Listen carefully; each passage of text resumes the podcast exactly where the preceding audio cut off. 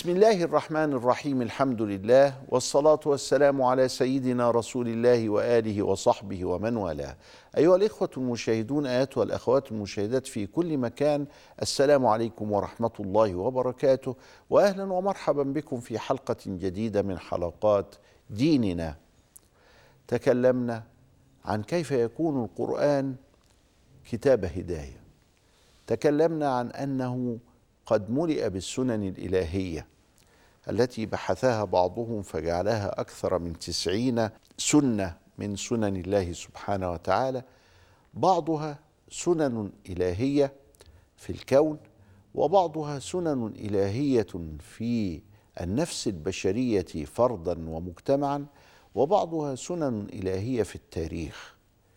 وهذه السنن الإلهية قد ألف فيها المؤلفون كثيرا وبأنواع مختلفة وفي الأنواع الثلاثة حتى جعلوا لها موسوعة تضم التأملات والتدبرات التي تدبرها المحدثون في كتاب الله. السنن الإلهية إدراكها يمكننا من تحويل القرآن الكريم إلى كتاب هداية. لا نقف عند حد سماعه وتلاوته بل نتعمق في معانيه ونرى مراده ومآلات هذه المرادات في النفس البشرية وفي التاريخ كيف يكون.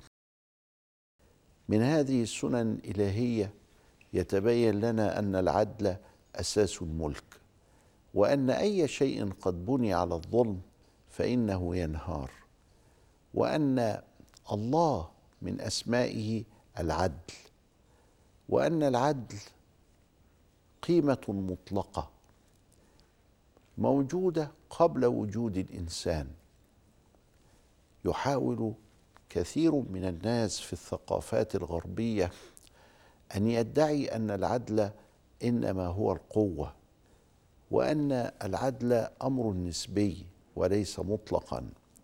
وأن كل ما تستطيع أن تكسب به شيئا فيجب عليك أن تلعب به. اللي تكسبه العبه. والغاية تبرر الوسيلة. والأمر الواقع هو العدل. والخضوع له ولهذا الأمر الواقع هو العدل. ولذلك فما تفعله إسرائيل من الجرائم ضد الشعب الفلسطيني هو العدل لأنها تمتلك قوة لا يمتلكها الشعب الأعزل ولأنها تفعل ما تريد لا ما هو العدل. هذا المفهوم المعوج الغبي الذي يؤدي إلى النزاع والخصام وإلى الصدام.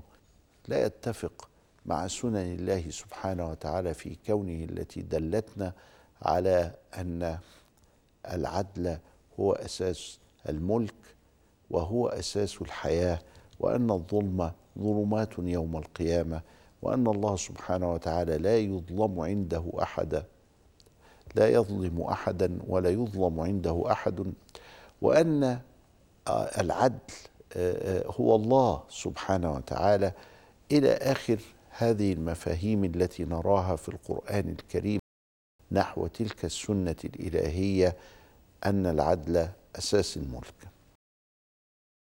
حتى قال الفقهاء أن الكافر العادل خير من المسلم الظالم. والنبي صلى الله عليه وسلم يقول إن الله يستجيب للمظلوم ولو كان كافرا. فقضية العدل قضية متجاوزة للعقائد ومتجاوزة للجنسيات ومتجاوزة لكل شيء. وكانت دولة الإسلام عبر القرون هي دولة قانون ودولة عدل ولذلك كان القضاء يلعب فيها ويقوم فيها بأدوار مهمة للغاية في استقرار الناس وهذا القاضي شريح وما أدراك ما القاضي شريح ولعلنا في مرة من المرات أن نخصص له حلقة في حياته وفي علمه وفي قضائه وكيف كان عادلا بين الناس. كيف كان أبو يوسف القاضي قاضيا عادلا بين الناس؟ كيف كان علي بن أبي طالب عليه السلام عادلا بين الناس؟ كيف كانت الصحابة الكرام تقوم بهذه المهمة وما هي الأحوال التي تعلموها من قضاء رسول الله صلى الله عليه وسلم وهو في منصب القضاء عادلا بين الناس وهو الذي يقرر للقضاء منهاجا فيقول قاضي في الجنة وقاضيان في النار ويحذر من أن يحيد القاضي عن العدالة. حتى إن ابن عباس فيما يرويه عنه أبو مجلس رضي الله تعالى عنهما عندما تعرض ومن لم يحكم بما أنزل الله فأولئك هم الكافرون قال كفر دون كفر هذا القاضي يرتشي. فسمى الله سبحانه وتعالى رشوة القاضي بالكفر لأنه حياد عما أنزل الله من طلب العدل ومن الحكم بالعدل بين الناس.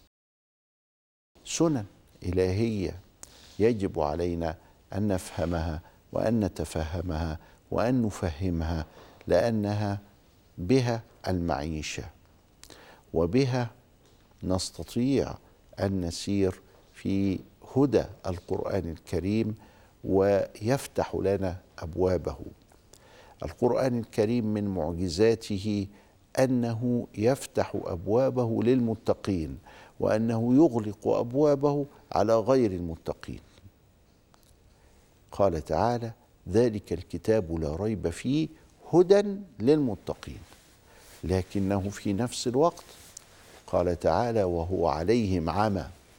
هذا القرآن عمى للظالمين الذين يدخلون معه وهم في حالة استخفاف أو في حالة رفض أو في حالة محاولة معرفة التناقض الذي يرونه فيه. والله سبحانه وتعالى يقول أفلا يتدبرون القرآن ولو كان من عند غير الله لوجدوا فيه اختلافا كثيرا. فبعض الناس يريد أن يخرج اختلافا فيه فيضل ويضل ولكن ذلك الذي دخله وقد جعله هداية له هو نفس النص إلا أنه هنا هدى وهنا عمى. هو نفس النص وهذا من إعجاز نظمه ولفظه وبذلك نرى أن قضية السنن الإلهية التي جعلناها عنصرا من عناصر الهداية يجب على المسلمين أن يهتموا بها ونحن ندعو إلى تجديد الخطاب الديني. تجديد الخطاب الديني سيتأتى أن يرجع القرآن إلى حالته الأولى. كيف يرجع القرآن إلى حالته الأولى؟ أن نبني حضارتنا على اللغة العربية لأن اللغة والفكر وجهان لعملة واحدة. ما تقدم أهل اليابان إلا بتمسكهم باللغة اليابانية. ما تقدم أهل الأمريكان إلا بتمسكهم بالإنجليزية. ما تقدم أهل الألمان إلا بتمسكهم بالألمانية. ليس هناك شيء اسمه أن تترك لغتك. كل العلوم تدرس في إيطاليا بالإيطالية. ولذلك لابد علينا أن نعود مرة أخرى إلى تدريس العلوم باللغة العربية وأن نهتم اهتماما بليغا بتعلم اللغات الأجنبية خاصة الإنجليزية وهذا أمر آخر غير التدريس باللغة العربية لأن التدريس باللغة العربية سيؤدي بنا إلى التمكن من هذه اللغة وسيؤدي بها إلى حفاظ على هويتنا وإدراك لتراثنا على الوجه الصحيح وإدراك. لعصرنا على الوجه الصحيح وكيف نصل هذا بذاك على الوجه الصحيح وكيف نبدع وننشئ ونساهم في الحضارة الإنسانية على الوجه الصحيح أول أركان النهضة الاهتمام باللغة العربية. يلي هذا الاهتمام بالتوثيق يجب علينا أن نتعلم لأن قل هل يستوي الذين يعلمون والذين لا يعلمون؟ كفى بالمرء كذبا أن يحدث بكل ما سمع. ولذلك يجب علينا أن نتعلم وأن نعلم وأن نهتم بالعلم ثم العلم. ثم العلم وهو ما نسميه بالتوثيق. بأن يكون عندنا توثيق لابد أن نهتم بدار الكتب لابد أن نهتم بدار الوثائق لابد أن يكون عندنا إرشيف. هذا الذي حدث من إحراق المجمع العلمي جريمة تساوي جريمة المغول وهم يحتلون بغداد تساوي جريمة الرومان عندما أشعلوا مكتبة الإسكندرية ولذلك التوثيق إذا لم نهتم به ولم يكن عندنا خرائط للصرف الصحي وخرائط للمجاري وللمياه وخرائط للكهرباء وللتليفون فإننا نكون خرجنا عن فكرة التوثيق والتوثيق هو الذي بنيت عليه الحضارة الإسلامية. القضية الثالثة منظومة الأخلاق.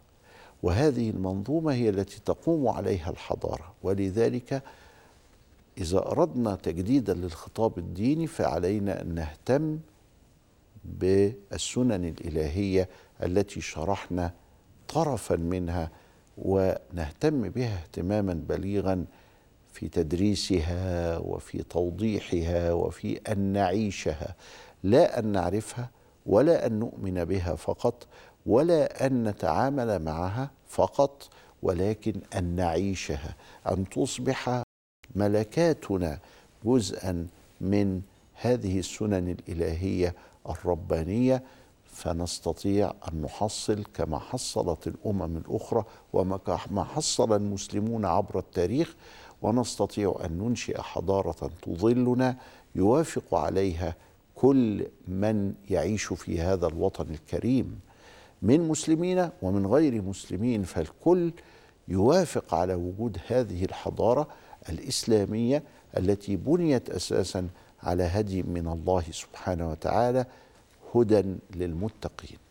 هذا ما أردت أن أتكلم عنه كلمحات سريعة حول قضية السنن الإلهية ثم نأخذ بعد ذلك شيئا فشيئا ما ذكرناه من المبادئ العامة ومن منظومة القيم ومن قضية ال ال ال الإحكام والأحكام ومن هذه القضايا قضية قضية في لقاءاتنا المتتالية إن شاء الله عبر هذا البرنامج ديننا. إلى لقاء آخر أستودعكم الله والسلام عليكم ورحمة الله وبركاته. Bye.